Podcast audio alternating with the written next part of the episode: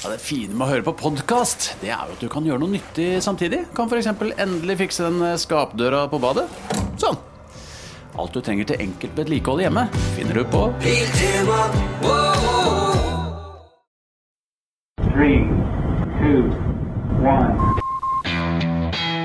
Okay, we checked all four systems and zero down. we're still looking. Quality base here. The Eagle has landed.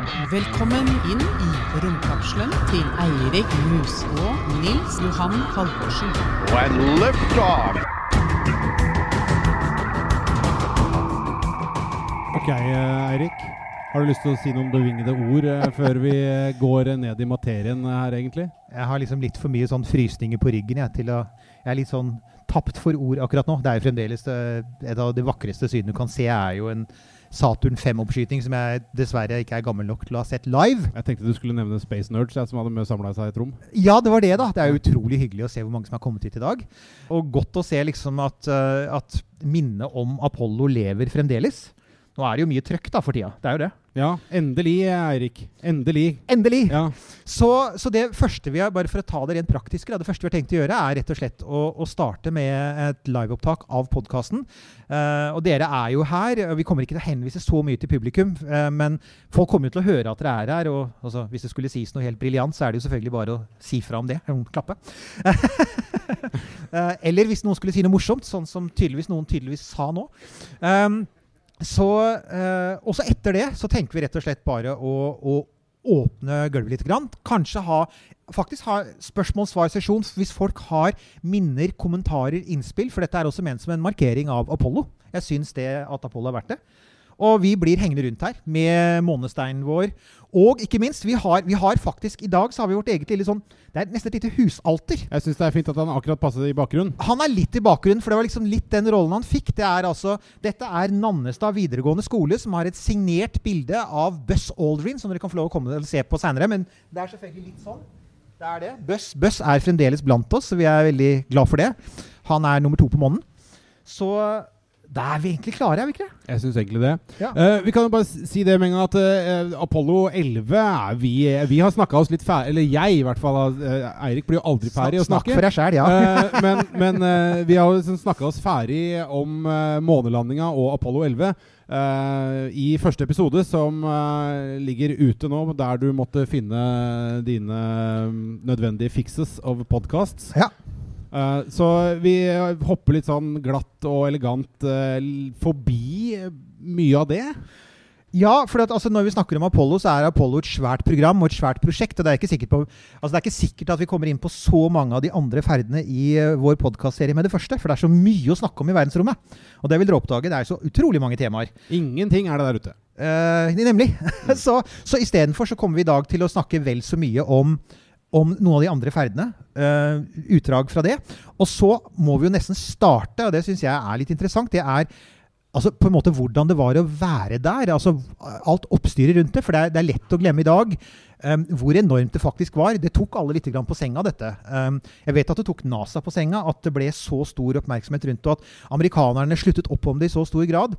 Eh, Det ser vi bl.a. fordi at de sendte med et ganske dårlig kamera til månen. Altså, de sendte med et TV-kamera og ikke et ordentlig sånn høyoppløselig 35 mm kamera for virkelig å dokumentere det.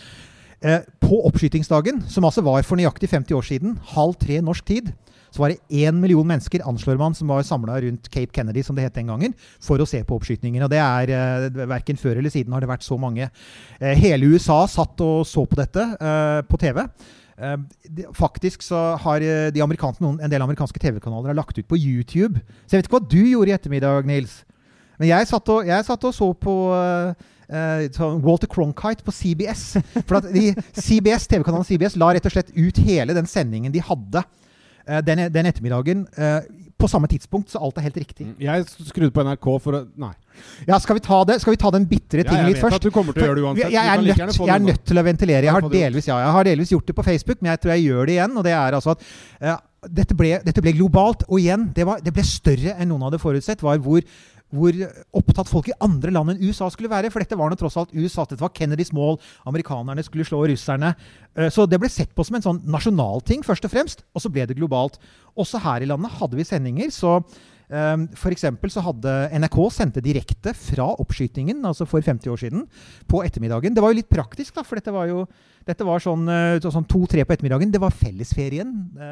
Så det var helt greit, egentlig. Folk hadde tid til å se på det. Og Var var det Tour, de- Tour de France? Lurer jeg på som Altså, det vi vet, for å komme til det, Hvis det hadde vært det, så hadde NRK sikkert tatt vare på det. Men, eh, men eh, ingen Kan du gjette tre ganger hvem som kommenterte?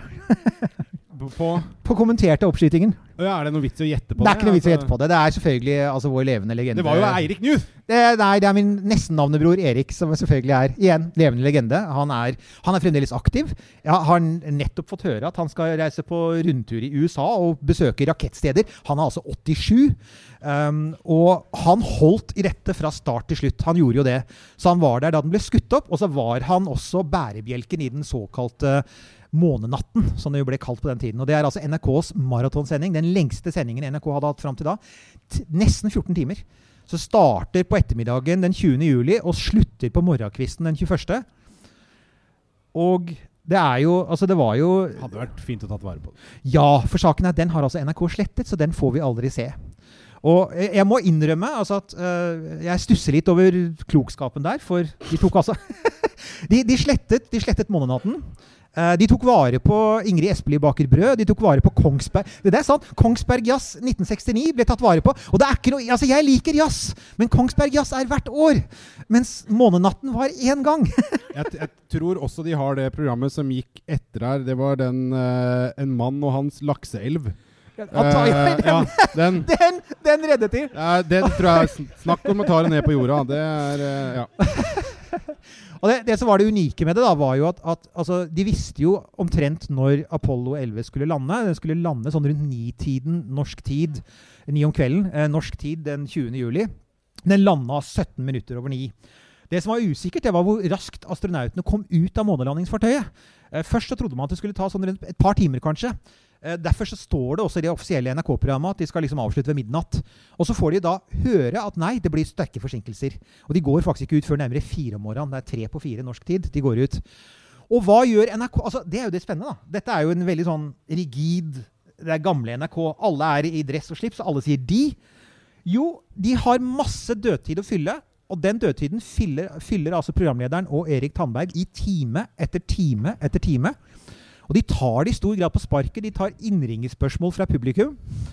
Uh, min favoritthistorie der er jo at da folk fikk høre at det ble forsinkelser på uh, når, uh, når Neil Armstrong og Buzz Aldrin skulle komme ut, så ringte liksom halve Norge ringte til Televerkets telefonvekking, som var noe som fantes i gamle dager. Før vi hadde mobiltelefoner hvor du kunne stille, stille inn vekking hvis du skulle opp tidlig, og det var viktig, og du ikke stolte på vekkerklokka di, så ringte du til, til Televerket, og så ringte de deg tilbake. Så da ringte da halve Norge og sa vekk oss Først så trodde de det var klokka seks. Så de sa ring oss klokka seks. Og så var det forandring. Nei, det er klokka tre. Så da prøvde de å ringe om igjen og si kan vi istedenfor ringes klokka tre? Og da brøt nettverket sammen. Det var, det var en legendarisk natt. Det var en legendarisk natt, og, og alle som har opplevd den, sier jo at den, de glemmer den aldri. For det, er, det, var, det var jo også fellesferie, sommernatt. Og det er som du, som du sier i podkasten vår, hva sier du om Apollo 11-landingen? Jeg syns det var sånn fint. ja, skal jeg være sånn filosofisk og, og dyp eh, Ja, du er, du er, du, er helt klart Ja. du er filosofen blant ja, oss. Ja, ja. Jo, at eh, månelandingen var jo eh, Og så langt, eh, egentlig, eh, i menneskets historie den største begivenheten av positiv karakter som har eh, samlet en hel verden. Jeg syns det der er veldig godt tenkt, for da liksom sjalter du ut første og annen verdenskrig og en del andre sånne triste ting. Atombomben og en del sånne ting. Du, du peker på at det skjer noen virkelig positive ting som tar menneskeheten framover. Jeg, jeg er selvfølgelig helt enig med deg. At det er en, det er en enestående, enestående begivenhet. Det er jo det. Ungsamtalen fra DNB er økonomisk veiledning tilpasset deg som er ung. Bokk en ungsamtale på dnb.no. slash ung. Det er kjempebra hvis du skal inn på boligmarkedet, hvis det er drømmen din, liksom. Det er det du skulle sagt. Og så kunne du ropt litt mer, da, sånn som jeg gjorde. Bam! Oh. Hvorfor het det Apollo? Ja, nei, det er jo Altså, det eh, det, her er jo en ting som altså, Man tenker ofte man sier ofte det er utrolig hvor raske amerikanerne var. da. Altså, eh? Eh, John F. Kennedy holder en tale til Kongressen i eh, 25. mai 1961. Så sier han at eh, jeg mener at dette landet bør sette seg som mål å sende en mann til månen og hente han trygt tilbake innen utgangen av dette tiåret. Ikke fordi det er lett, men fordi det er vanskelig. Det sa han året etter på Rice University, ja. Ja, det Eh, var året etter, ja. Ja, ja, ja. Oh. ja, ja, ja. Jeg trodde alle visste dette. Men uansett um, Poenget er, um, uh, poenget er at, at når han gjør det, så har NASA, og ikke minst en del av ingeniørene som jobber for NASA, hadde jobbet med planer i årevis. Da hadde bl.a. en som het Werner von Braun. Han har kanskje en del hørt om. Han, jobbet, han bygde raketter for Hitler. Han uh, sørget for å overgi seg til amerikanerne og ble helt sentral i det amerikanske romprogrammet. Han hadde snakket om månelandinger i årevis, og da NASA ble opprettet i 1958, så gikk de raskt i gang med å planlegge. Så i 1961, når Kennedy sier dette, så er ikke, så raketten er ikke klar, men planene til den store raketten er klar, og Apollo-prosjektet fantes. Det var blitt startet året før, og det fikk navnet av en fyr i NASA som het Abe Silberstein, en direktør i NASA, som hadde kommet til at Apollo, den greske solguden, passet så bra fordi at altså Apollo-prosjektet ville være så strålende. Det ville kaste sånn glans over USA at det passet å sammenligne med solguden. Til hvilket de av oss som er interessert i mytologi, vil si Men hallo, grekerne hadde en månegudinne som het Artemis. Hvor ble det av henne? Hun kommer nå for øvrig. Det nye måneprogrammet heter Artemis, så nå retter de opp den historiske urettferdigheten. Og nå kommer de til å ha med ordentlige kameraer. Ja. Ja. Det gjør de. Antagelig HD-kameraer. De kommer til å trekke frem iPhonen sin på månen. Hvis den tåler vakuum. Det er en iPhone, så du vet ikke. Ok. Ja, jo, eh, eh, men så hoppe da Bla, bla, bla, bla. bla. Skal, vi, skal vi bare hoppe over eh, og hoppe hele veien nå til eh, hvor, hvor, hvor vil du skyte i, gå inn her nå? Jeg synes vi, altså, Ikke 11. Nei, altså 11 er, en, altså 11 er et veldig godt eksempel på en veldig farlig teknologi som fungerte. Og en av de tingene som, som det er lett, altså Amerikanerne har et uttrykk som sier 'hindsight is 2020'. altså Når du ser ting i ettertid, så virker det alltid riktig. Vi sitter med fasit. De kom seg trygt til månen, det gikk bra. Men det visste jo ikke folk som bygde disse rakettene på 60-tallet. De var ikke klar over om dette. De visste ikke om det ville gå bra. Og veldig mange var skeptiske. Et flertall av amerikanerne trodde jo at dette kunne gå galt. og Var mot Apollo-prosjektet i lange perioder. Og det gikk forferdelig galt eh, 27.1.1967, da tre eh, Apollo-astronauter døde i Apollo 1. Eh, og det var et resultat av hastverk. altså Den kapselen var bygd for fort. Så, så man var klar over at det kunne gå galt. Men det er jo to Apollo-ferder. Ja, hva kan gå gærent når du sitter på Ja, altså, ikke sant? Du, sitter, du sitter på toppen av et månefartøy som består av 5,5 millioner deler, og alle er levert av det laveste anbyder, ikke sant? Så ja. så, og det gikk galt. Det gikk en, og og det, her, det er to kan vi si det sånn, det er to Apollo-ferder alle husker. Det er Apollo 11, og så er det 13. 13. Eh, og Ja, bare skyte inn litt Det som jeg syns er interessant der, er at på fly og sånn, så har du ikke rad 13. Og det, ja, det var i hvert fall før, så var det sånn det var Ja, ikke er rad sant, ja. 13 og Ja. sånn. Men en romrakett, ja, det er nummer 13. ja, sånn, ikke NASA tenk på det sånn, ja, sånn In your face, og så Ja. går det gærent. Ja, ja. Helt sant. Men er vi på 13? Er vi på 13? Jeg syns vi skal snakke litt om 13, for 13 er litt viktig. Og det er rett og slett fordi at det den også handler om, da, det er faktisk at ja, det handlet om fantastisk dyktige ingeniører som bygger uh, utrolig teknologi.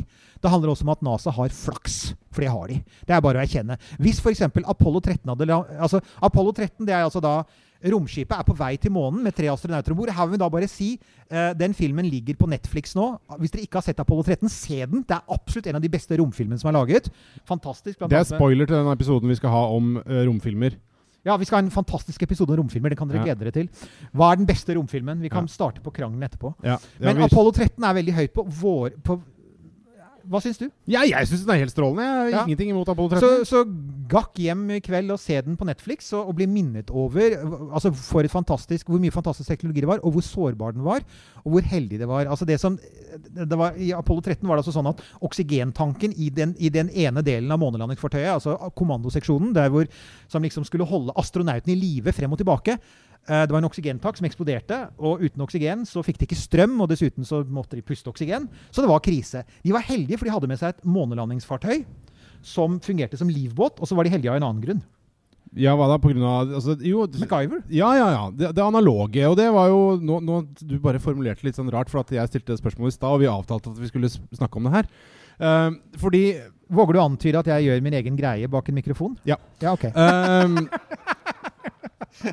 fordi eh, det som, er, som jeg syns er interessant, er at MacGyver slit, sliter eh, i våre dager for eh, integrated circuits og alt det der. der. Eh, hadde ikke Apollo 13 vært så analog og mekanisk, Ja. så hadde de jo daua.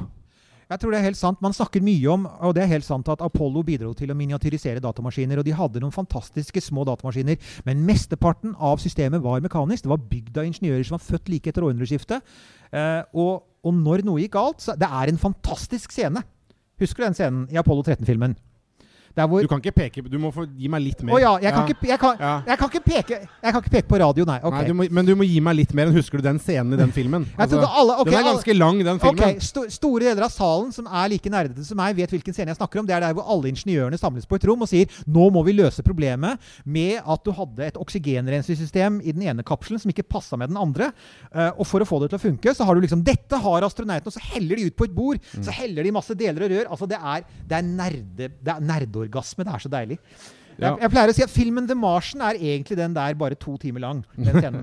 Eh, og, så de løser problemet med De løser, altså de løser et mekanisk problem med ganske enkle midler, er jo poenget. Ja, ja, ja. Og det, det hadde de ikke fått til i dag. Altså, det, For å si det sånn, i en verden hvor det nesten er umulig å reparere sin egen bil ikke sant, uten å få en spesialdel bestilt som er elektronisk basert, ja, det er, det er, det er et reelt poeng, det, altså. Det er det. Men de gjorde det. De var heldige også fordi de altså hadde månelandingsfartøy som livbåt, for den hadde separat oksygenforsyning. Den hadde en separat motor som kunne ta dem tilbake. De turte ikke å avfyre motoren i hovedromskipet, for de var redde for at den ville eksplodere. Um, hadde det skjedd med Apollo 8, den første ferden rundt månen i desember 1968, den som tok det berømte bildet av jorden som står oppover månen, vet du, Earthrise-bildet de hadde ikke med seg noe månelandingsfartøy. Så hadde den samme feilen, som like gjerne kunne ha skjedd i Apollo 8, for en, det, den feilen kunne ha truffet hvem som helst, så hadde de tre astronautene vært døde. Hadde de tre astronautene dødd på vei til månen, så hadde Apollo-prosjektet vært stoppa. Det er jeg helt sikker på. Ja, hadde det? Altså, men, Ja. men, jo, men, men altså, for dette her eh, Vi har snakka om at det, det har skjedd dumme feil som har eh, fått ganske alvorlige konsekvenser Ja.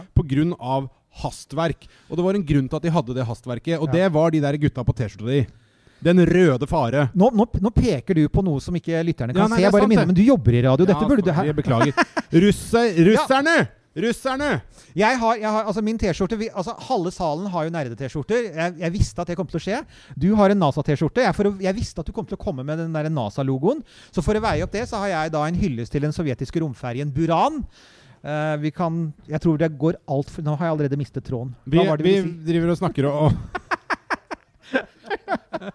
Jeg vil gjerne snakke om Buran, men jeg tror ikke vi kan gjøre det Nei, vi, vi, det tar vi ikke nå. Det er så fascinerende. Det tar vi en annen gang. Nå snakker vi om Apollo. Ja. Og det vi snakka om ja. Hva var det vi snakka om? Vi snakker om ulykker. Og ja. her er poenget. At det er jo altså Apollo 1-ulykken, som altså drepte tre astronauter.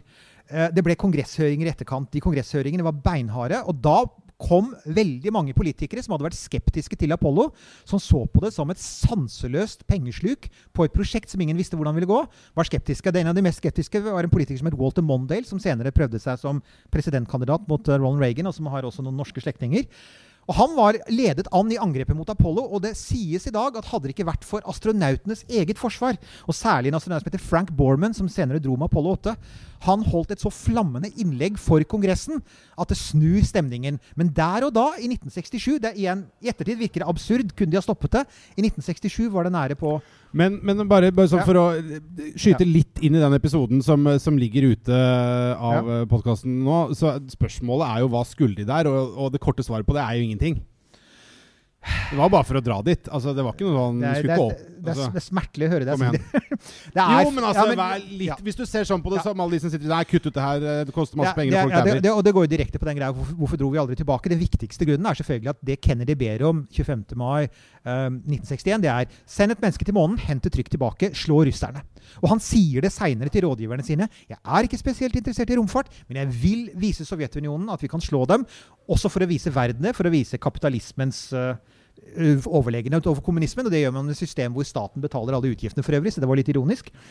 Men uansett, nå mista, nå mista vi tråden igjen. Nei, nei, nei, nei, nei, nei, nå mista vi ikke tråden. Nå har vi tråden. så For nå er vi der, og det er nettopp det hvorfor vi dro. Og, og i utgangspunktet så var det jo faktisk bare å sende en mann og få han tilbake. Så er det gudskjelov så finnes det i USA så finnes NASA. Og NASA er en organisasjon som også er opptatt av forskning. Det er også en forskningsorganisasjon. Og de sørget for å få på plass et forskningsprogram. Og ikke bare det, de sørget også for at det ikke ble én ferd, for det kunne de ha gjort. Ok, de ville gjerne ha to, da. Først for å lande et menneske, og så for å bevise at det ikke var en tilfeldighet. Så to ferder var liksom det man kanskje tenkte seg først. Og sier de nei, vi bør ha et forskningsprogram. Vi bør spre oss utover månen, samle steiner fra store deler og gjøre vitenskap. Mm. Og så da Da kommer vi inn på uh, en annen greie, som er dette her med samle steiner fra mange andre steder, og litt sånn renewal of it all. Ja. For, uh, for å være ærlig, altså OK, vi lander på månen. Topp stemning, det. Kjempefint. Hele verden er med. Ja. Alle er happy. Og så kommer de hjem igjen, og det er jubel og stor ståhei og stas. Og hvor blei du av alt mylderet, Buzz Aldrin? Men etter hvert så begynner det å bli kjedelig å se den grå månen, den grå Ja. månen, den grå månen. Akkurat samme sted. helt- helt akkurat samme sted. Ikke sant? Og det er noe av det mest slående med altså det, er, det ses veldig godt i den Apollo 13-filmen. Det er jo faktisk hvor fort den offentlige interessen for Apollo daler.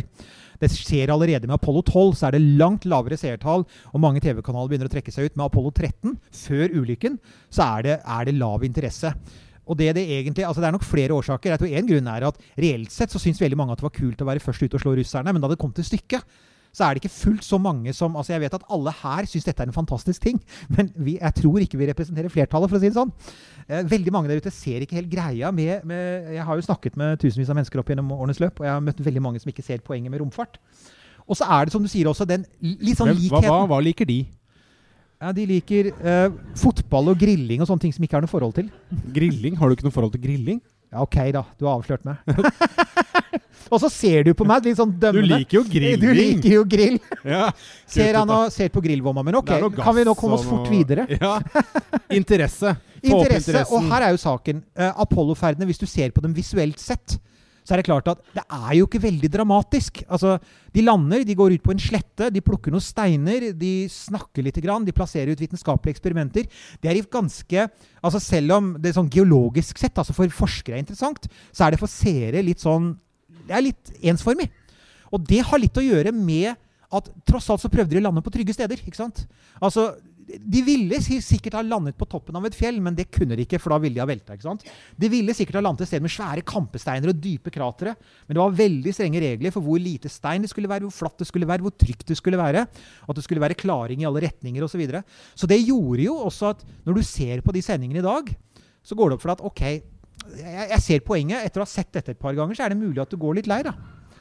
Og da må vi gjøre noe. Og da må vi, gjøre noe. Og så må, Da er jo Ikke sant? Ah. Jo, men bare For at det jeg syns er så slående, er jo at man, måneferden Og hva er det amerikanerne liker? Hva er det amerikanerne syns er tøft? Hva er det Ikke sant? Ja, ja. Ernern. Ja, vi må ha en bil! Vi må ha en bil. Kom igjen, da! Og Det er, det er amerikanerne og folk på Notodden, ikke sant? Det ja. råne. Må råne. Syns du det er en rånebil, by the way? Overhodet ikke. Nei, vi, vi må snakke litt om den. Altså, det er Apollo- Apollo-ferdene fra 15 til 17, da. Tenk deg stereoanlegg der. Det hadde vært helt meningsløst, det. Ja, ja.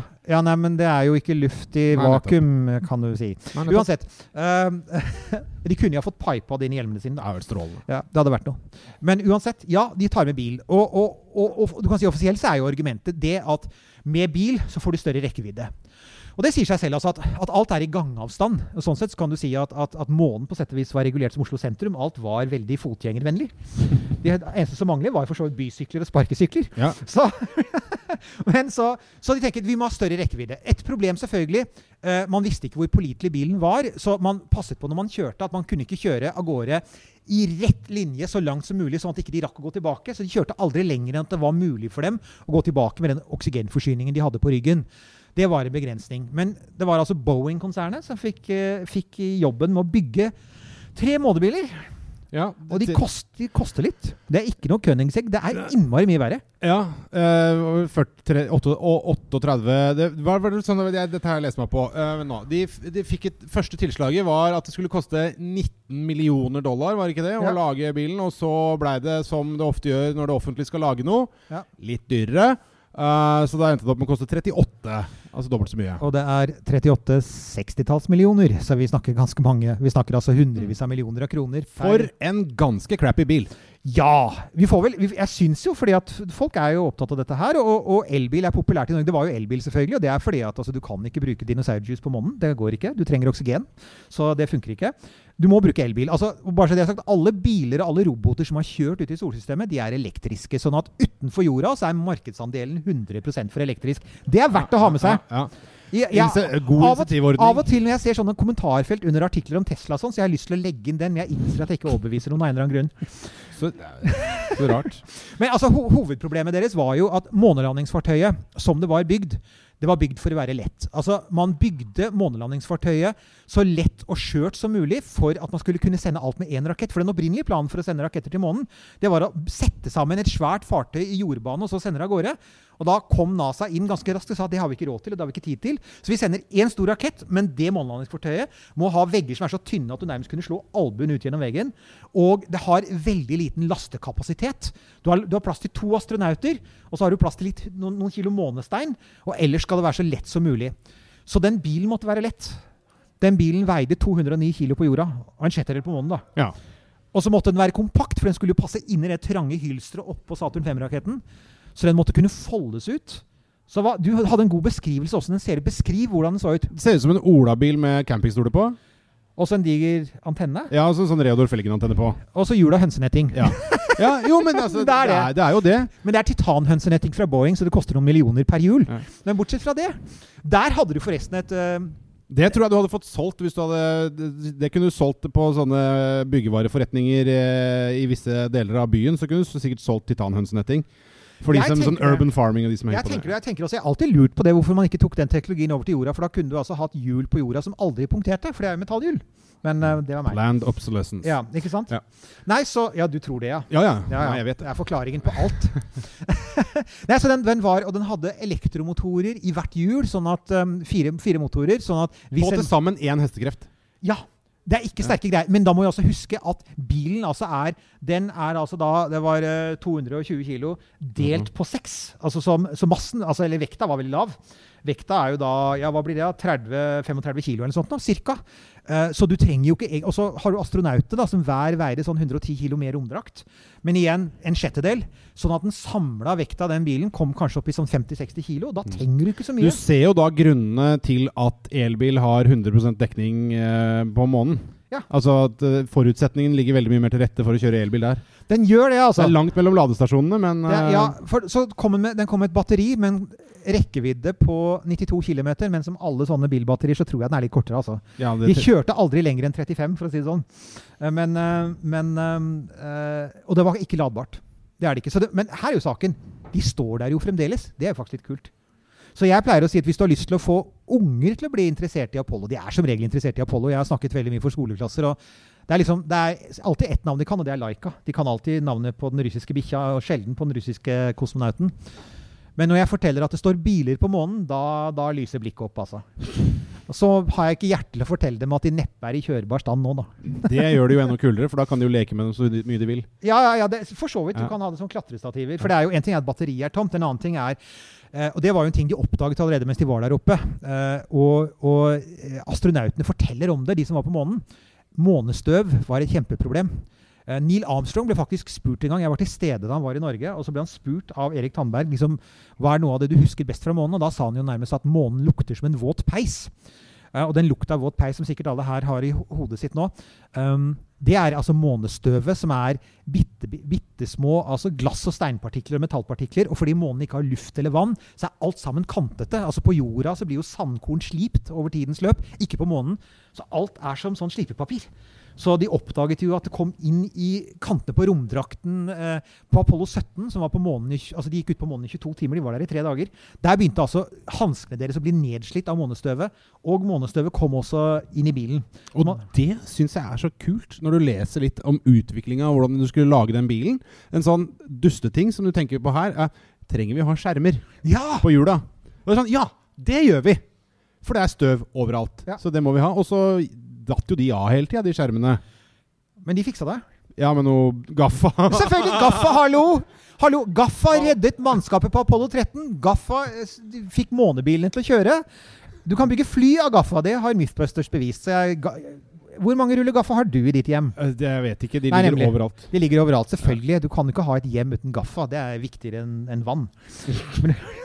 Så, så ja, Gaffa reddet, Gaffa reddet månebilene. De gjorde det. Kan jeg bare kjapp litt sånn kontrollspørsmål? Lukta av våt peis. Ja. Er det noe alle kjenner? Altså, liksom, hvor ofte lukter du på våt peis? Det er eventuelt hvis du har hatt litt panikk og prøvd å slokke den med vann. da. Ja, ok. Ja. Eller hvis du har litt åpen pipe og det har regna inn. da. Så jeg, jeg har vært på hytter hvor det lukta vå- våt okay. peis. Men ja. jeg, jeg kjenner at noen av oss kommer fra møblerte hjem hvor man aldri lukter våt peis, og det må vi bare leve ja, det var en digresjon. Vi har alle, har alle våre byrder å bære. Ja, ja, ja. Det, det er min. Jeg får gå Men her, vi har glemt én ting. Noe av det kuleste. altså, det, Igjen. Apollo-prosjektet var sjekket og krysskontrollert i alle bauger og kanter. Det er en av grunnene til at det endte opp med å koste så mye som det gjorde. Det endte jo opp, Samla kosta prosjektene sånn som 120 milliarder moderne dollar, altså seks NASA-budsjetter i dag. Det var veldig dyrt. Men en av grunnene var at alt ble sjekket, dobbeltsjekket og trippelsjekket, særlig etter Apollo 1 og dødsfallene der. Så månebilen, f.eks. Ja, hvordan sjekket man hvordan den funka i en sjettedels gravitasjon? da? For man hadde jo ikke en sjettedels gravitasjon på jorda. Jo, man tok sånne flygninger, sånne parabolske flygninger. De går an å ha dem i vektløshet, det går også an å ha dem i en sjettedels gravitasjon. Så her må dere ha et indre bilde av voksne menn som er i et fly som er i halvveis fritt fall, som kjører bil. Og det er så bra! Det var jo gøy i den perioden. Altså, Ja, Og vet du hva, folk? Vi gjør ikke dette lenger! Jeg mener, Hva har skjedd med NASA? Vi kjører ikke biler i en sjettedels gravitasjon lenger. Det er så trist! For dårlig, altså. Det er, Det er for dårlig. i, igjen moderne teknologi har ødelagt all moroa. Ja! Ikke kan man teste ut live experiments. Det var ikke meningen kan å gjøre dette til en sånn der sutrete nostalgifest, men litt. Kan vi unne oss litt sutrete nostalgi her? Du kan, det- du kan det. Jeg kan, for jeg er kommet til den alderen. Ja. Jeg er mann, hvit, over 50 år. Jeg er ikke radikalisert ennå, men jeg er nostalgisk. Ja. Det har jeg lov til å være. Og, så ja, jeg sier det at altså, Og jeg holder på det. Eksentrisk! Eksentrisk, ja. Jeg holder Jeg holder på det at dette er et eksempel på at ting var bedre før. Og det er rett og slett at i dag Altså det er ikke så lenge siden vi, den amerikanske presidenten, han hvis navn vi ikke skal nevne, han sa jo at vi skal dra tilbake til månen i 2024, for han håper å bli gjenvalgt og, og få gjort det i, i hans andre presidentperiode. Og nå korser jeg meg her. Uh, men uh, Men altså NASA kan ikke gjøre det i dag. NASA kan ikke i dag. Eh, kompetansen er borte. Eh, folk spør ofte kunne vi ikke bare bygge Saturn 5 igjen. da? Nei, vi kan ikke det. Altså, Vi har planene, og rakettene står jo på museum. Men rakettene var håndlagde. Rak rakettene ble faktisk bygd altså bit for bit av tusenvis av dyktige ingeniører og fagfolk. Bl.a. sveisinga. Den, jeg har lest lange kapitler. Sånn er jeg ute. I sommer har jeg kost meg med å lese om hvordan de sveisa tankene på Saturn 5. Ja, det er selvfølgelig så bra! ja. Hvem trenger blodig krim når du har sveiselitteratur? Ja, ikke sant. Det burde for øvrig være en hylle i biblioteket. Ja. Sveiselitteratur, folkens. Mm. Men det er altså et eksempel på en type kompetanse som gikk ut av systemet da man kansellerte de tre siste Apollo-ferdene, for det gjorde man jo. Og vedtok å bygge romferja, og bare sa vet du, for å få til romferja kan vi ikke kjøre Apollo. Vi har ikke råd til to parallelle romprogrammer. Da må vi kansellere Apollo. Da sier vi opp kontrakter, vi sparker folka, vi, vi, vi i praksis glemmer teknologien. Og Derfor så kan vi i dag ikke gjøre noe som altså var rutine fra 1969 til 1972. Jeg syns det er ganske fascinerende. Ja, det er det. Det er Ja. sjeldent, altså, hvis dere tenker på det, da. All teknologien rundt dere tenker sånn ja, men Mobiltelefonen i dag er jo bedre enn de som var i fjor. ikke sant? Og bilene i dag bør i hvert fall i prinsippet få mer ut av bensinen enn i fjor. Så vi er vant til at teknologi går fremover. TV-er, Vi har en TV bak oss. Sånne TV-er hadde jeg drømt om hvis jeg var barn. TV-er i dag er bedre enn TV-er var for noen år siden. Men ikke måneraketter. Det er helt sant. Månerakettene var bedre før, og det er et sånt rart paradoks. Og det er en av grunnene til at tror, tror, det en av grunnene til at en del tror på sånne månekonspirasjonsteorier om at ikke vi har vært på månen. Vel, en av tingene er at vi gjør det jo ikke lenger. Altså, Jeg har møtt folk som tror på månekonspirasjoner. De, de benekter ikke at vi skyter opp raketter i dag. De vet at vi har satellitter, de vet at vi har GPS. De bare tror ikke at vi var på månen. Og det er ikke så rart, for vi er ikke på månen, og vi kan ikke reise til månen. Og det syns jeg er trist. Er det lov å si det? Ja, selvfølgelig er det lov å si. Hva syns du, da? Syns du Hva syns jeg? om månen? At vi ikke er der? jeg, jeg synes, Hvorfor drar vi ikke til månen? Jeg syns man burde dra til månen stadig vekk. Ikke sant? Ja. Vi burde hatt baser på månen. Ja. Det fantes jo planer, vet du. Det gjorde det. Ja, du! Bare før, da, Ja. Et spørsmål som jeg hadde her nå. For Når vi var inne på uh, månebilen, altså Lunar Rover øh, Altså, har, Vet du, og jeg vet ikke om du vet, så dette er et helt uh, genuint spørsmål som ikke er avtalt. Vet du Det er sjokk Hvor høre at dette er store mengder med skrota planer som ligger i et eller annet arkiv? Blant Ja. annet for denne bilene. Ja, ja. Der begynte de å snakke om at de skulle lage campingbiler som du kunne bo i, og det var ikke Det var Helt det er, faktisk et innmari godt spørsmål. Det vet vi, fordi at NASA, da NASA ble opprettet i 1958, så fikk de et pålegg om å ha så mye offentlighet rundt det de gjorde som mulig. Og det gjør at etter så sant det ikke er militært og klassifisert, så publiserer NASA sine planer. Det finnes tusener på tusener på tusener av dokumenter. Det er faktisk ganske, altså Hvis du har lyst til, igjen, hvis du går lei av sveiselitteratur, så bare gå til NASA History eh, website og begynne å grave litt der. og Da får du bl.a. Altså, svære planer for månebaser, svære planer for romstasjoner, Mars-fartøyer og månebiler. fordi det var jo veldig, altså Allerede i 1952 så sa jo Werner von Braun at vi kommer til å trenge biler på månen og Mars. Og de må være elektriske og kjernekraftdrevet, trodde jo han da. Uh, og det er for øvrig en god idé. Uh, så, så ja, uh, det ble lagd Og de fleste månebilene man så for seg Det fantes faktisk et innmari kult konsept for månelanding som ble forkastet ganske tidlig fordi det, det ble for tungt. Og det var at du ikke sendte Du ikke bare sendte en sånn kapsel, da, og så har du noen astronauter som er i sånn gangavstand. Du kan liksom gå til nærmeste Starbucks og gå tilbake. Det er alt. Nei, du landsetter rett og slett i praksis en bobil. Og så bare kjører du. Og så letter du med bobilen til slutt. Altså med deler av bobilen, da, ikke hele.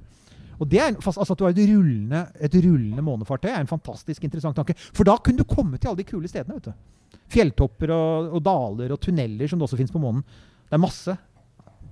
Infrastrukturen er til stede. Ja, sånn nesten.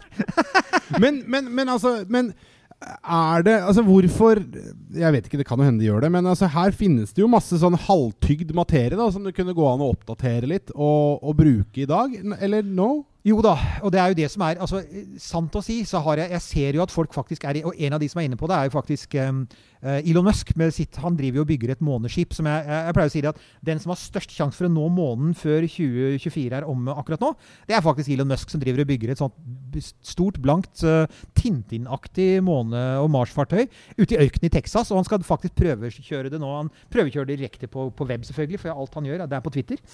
Um, men um, men eh, han, har jo, han har jo vært åpen på at han har veldig, hatt veldig nytte av NASAs gamle planer, NASAs forskningsresultater. Han har skrevet, han har skrevet mange hyllester til det. Han sier, Uten alt det NASA la ut, da, så hadde jo ikke, hadde jo ikke de fått kommet så raskt i gang. Så det, det, er, det må vi aldri glemme NASA for. At de har, de har pumpa massevis av Hvem kan glemme NASA? Og det fins folk, tro meg. Det er triste folk, men de fins.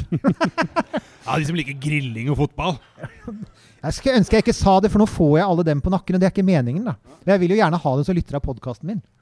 Grillsegmentet er nok litt større enn vi som vil tilbake til månesegmentet. Ja, Det kommer en uh, seinere greie hvor vi gjør en sånn eh, special om grill. Grill in space. Vi må ha en om mat i rommet, faktisk. Ja, Ja. Men grilling i verdensrommet, det går jo ikke. Uh, kanskje på titan Nei, den har metan Nei, det går feil. Nei, vi, vi, du, nå er vi på feil sted igjen. Vi, vi snakka om at, at eh, det ble skjøtta ned romferga. Romferga var nesten der vi, vi stoppa. Ja, nei, jeg, du kjenner du vet, For meg så er romferja litt den store satan, men ja. Ja, ja, ja det, var, det, var liksom, det var dit jeg tenkte jeg skulle nå. Nemlig, kan ikke du eh, ta et par ord om hva du syns om romferja, da, Erik Knut? Eh, Det, for den er jo du så glad i. Først og fremst er det tristeste med romferja at den drepte Apollo. Altså, vi, eh, hadde det ikke vært for romferja, så kunne vi faktisk For det igjen, det fantes planer for å gjøre mer. Eh, NASA hadde et sånt løst program som het Apollo Applications Project. Og det, det viktigste som kom ut av det, var romstasjonen Skylab, som ble skutt opp med den, eh, den tredje siste Saturn 5-raketten. NASA bestilte 15 Saturn 5-raketter i utgangspunktet, den svære måneraketten. Uh, og, 12 av dem ble brukt til å, å skyte opp uh, romfartøyer. Uh, og ett av dem ble brukt til å skyte opp en stor romstasjon i 1973, Skylab, og to havna på museum. Og Skylab er liksom den siste resten av NASAs ambisiøse planer for å ta Apollo-teknologi og bygge og, og, og dra videre, altså dra tilbake til månen, ha base på månen. De snakket om å sende romskip forbi Venus og sende romskip forbi Mars. I 1969 presenterte faktisk Werner von Braun, han sto foran visepresidenten i USA, eh, Spyro Agnew het han på det tidspunktet, og presidentens rådgivere, og, og, holdt et powerpoint-foredrag om hvordan du skulle bruke Saturn 5-raketter, modifiserte, for å reise til Mars i 1981 og ha faste baser med 50 mennesker eller mer fra 90-tallet og utover. Og vet du, det er ingenting, Hvis du går tilbake og ser på de planene, de ligger der ute også, det er ingenting i de planene som ikke er mulig. All teknologien var under utvikling, og alt ble kansellert fordi man fant ut at det var for fjernt, for lite relevant, og romferja hadde én fordel som ikke Apollo hadde, og det var det skulle bli så billig å sende opp ting med romferja, for den hadde vinger. I realiteten så ble Apollo Hver, hver romferieferd ble like dyr som en Saturn 5-rakett etter hvert. Det var helt absurd. Så det, der bomma de totalt. Men det var argumentet. Men det, ja, så derfor så er jeg sur på romferja fremdeles, jeg. Fordi den drepte Apollo. Og vi kunne ikke ha to ting samtidig.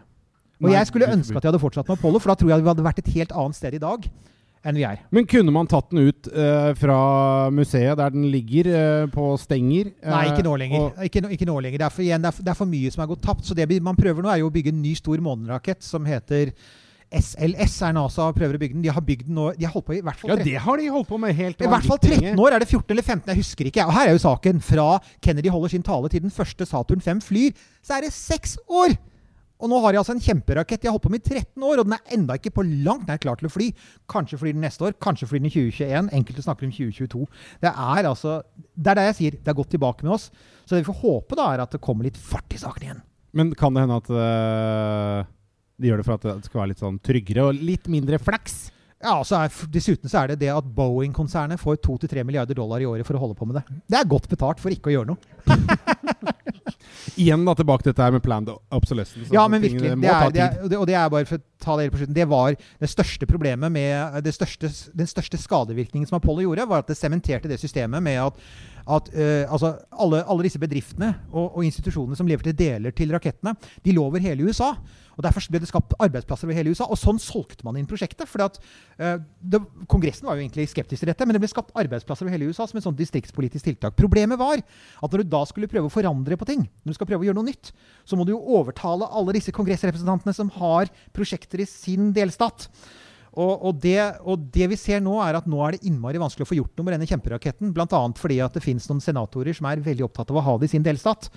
Eh, og da kommer man på en måte Så det er godt det, og det er veldig synd. Det er derfor Trump-lumpen skal tilbake, for å mm, gjøre America great again. Ja, ja, ja. Og, men jeg tror, men som, for å være helt ærlig, jeg tror at han, han kjører allerede hodet i, rett i den veggen av senatorer som sier nei. Uh, ikke bruk SpaceX-raketter til å komme til månen. Dere skal bruke SLS. For den bygges av bl.a. i Louisiana, har en veldig sterk senator som heter Shelby. Han er kjent for å han, han er republikaner og sitter i nøkkelposisjoner og bare sier hvis dere tar fra oss SLS, da kan du glemme muren. Du kan glemme innvandringslovene. Han har vært så tydelig på det. Og der er vi over på en litt sånn politisk greie. Og og det behøver ikke vi å være, for det, det, er, det gjelder altså ikke oss, men det gjelder da NASA. Og det er, det er et landskap NASA er i nå. Ja. Det er et røft landskap, for å si det sånn. Mm. Ja. Ja. ja Har du snakka deg ferdig? Jeg tror jeg sa Men har du? Nei, du, har jo, du snakker ikke Jeg ferdig. aldri Vi må ferdig. bare stoppe der, sånn at vi ikke drar ut uh, videre et eller annet sted nå. Så Ja. kan vi spare andre ting til andre episoder. Vi, får- har, vi, vi kan si litt om det. At, eh, hva vi har uh, tenkt til å snakke om i kommende episoder av Eirik News romkapsel. Vi skal annet snakke om dyr i verdensrommet. Ja. Fordi dyra gikk før oss. Og det var mer enn uh, bare den der russiske bikkja. Å ja, ja. det var mye rart. Det var mus og insekter og alt mulig. Og ikke for å spoile noe, men det gikk ikke så bra med noen av de.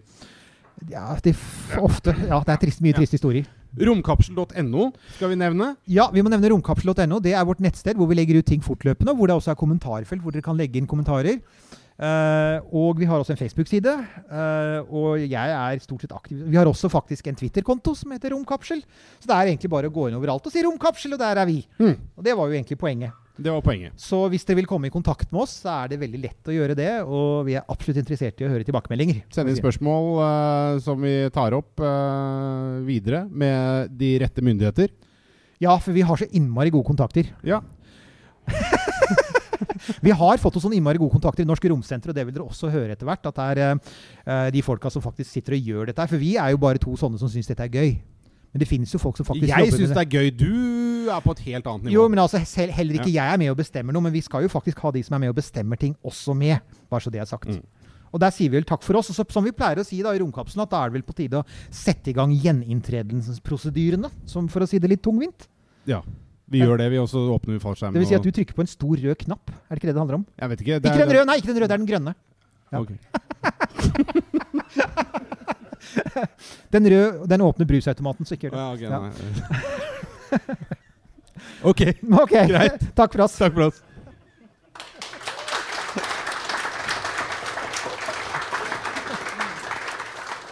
Denne Podkasten er produsert av Tid og Lyst.